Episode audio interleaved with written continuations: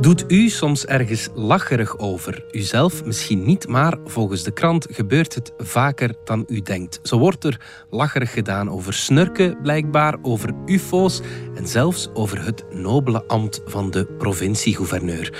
Wouter de Pre vindt de uitdrukking maar niets en hij heeft een voorstel. Maar dat laten we hem liever zelf uitleggen voor we er per ongeluk zelf lacherig over doen.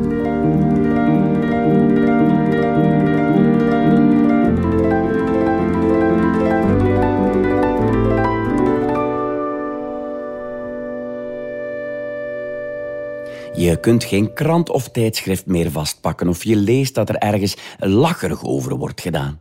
Snurken bijvoorbeeld, daar wordt lacherig over gedaan. Over de overgang en menstruatiepijnen wordt lacherig gedaan. Over de functie van provinciegouverneur, over ufo's en authentiek leven wordt lacherig gedaan. En zelfs over heksenvervolgingen wordt er lacherig gedaan. Wat een slappe uitdrukking. Dat Gedaan mist elke kracht of energie.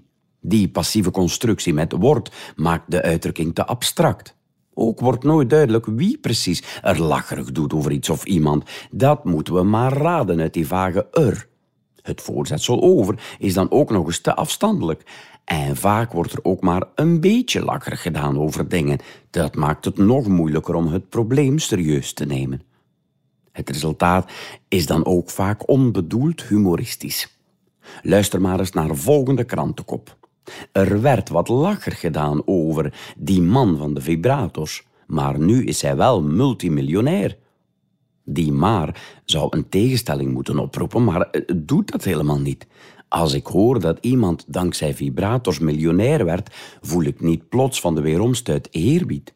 Ook start ik niet dadelijk mijn eigen businessplan voor het produceren van vibrators. Nee, er wellen vragen in me op over de rijkdom van de man van de vibrators. Hoe kan hij zijn miljoenen passend besteden? Zet hij een trillend standbeeld in zijn tuin? Gaat hij op reis naar plaatsen waar er veel aardbevingen zijn? Ik bedenk zelfs dat het toppunt van ironie zou zijn dat de vibratormiljonair op latere leeftijd de ziekte van Parkinson krijgt.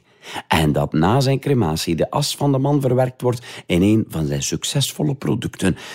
U merkt het, ik heb de neiging om net extra lacherig te doen over de trill-triljonair. Het probleem is dat er niks meer potsierlijk is dan geëist respect. Zo weeklagen in een Nederlands tijdschrift een aantal vrouwen boven de vijftig dat er lacherig over hen wordt gedaan.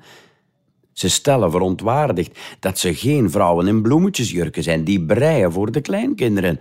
Helemaal foute tactiek. Wie ooit langer dan een kwartier op een speelplaats moest overleven, weet dat je nooit een mogelijk verwijt moet aanleveren. Het woordje geen merkt niemand op en puur door het vermelden van de rest van de zin kan ik de 50-plus vrouwen op de foto nu enkel nog zien als breiende boeketten. Terwijl daarvoor dacht geen haar op mijn hoofd eraan lacherig over hen te doen. Je vraagt je zelfs af of het wel klopt dat er over zoveel zaken en personen lacherig wordt gedaan.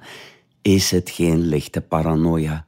Je hoort iemand lachen en je bent dadelijk zeker dat het over jou gaat, dat je uitgelachen wordt.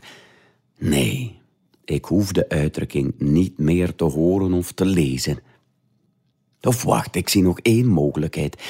De beschuldiging moet concreter gemaakt worden in plaats van dat vage slachtofferschap. Daarvoor moeten we de uitdrukking vereenvoudigen. We strippen die er wordt en gedaan.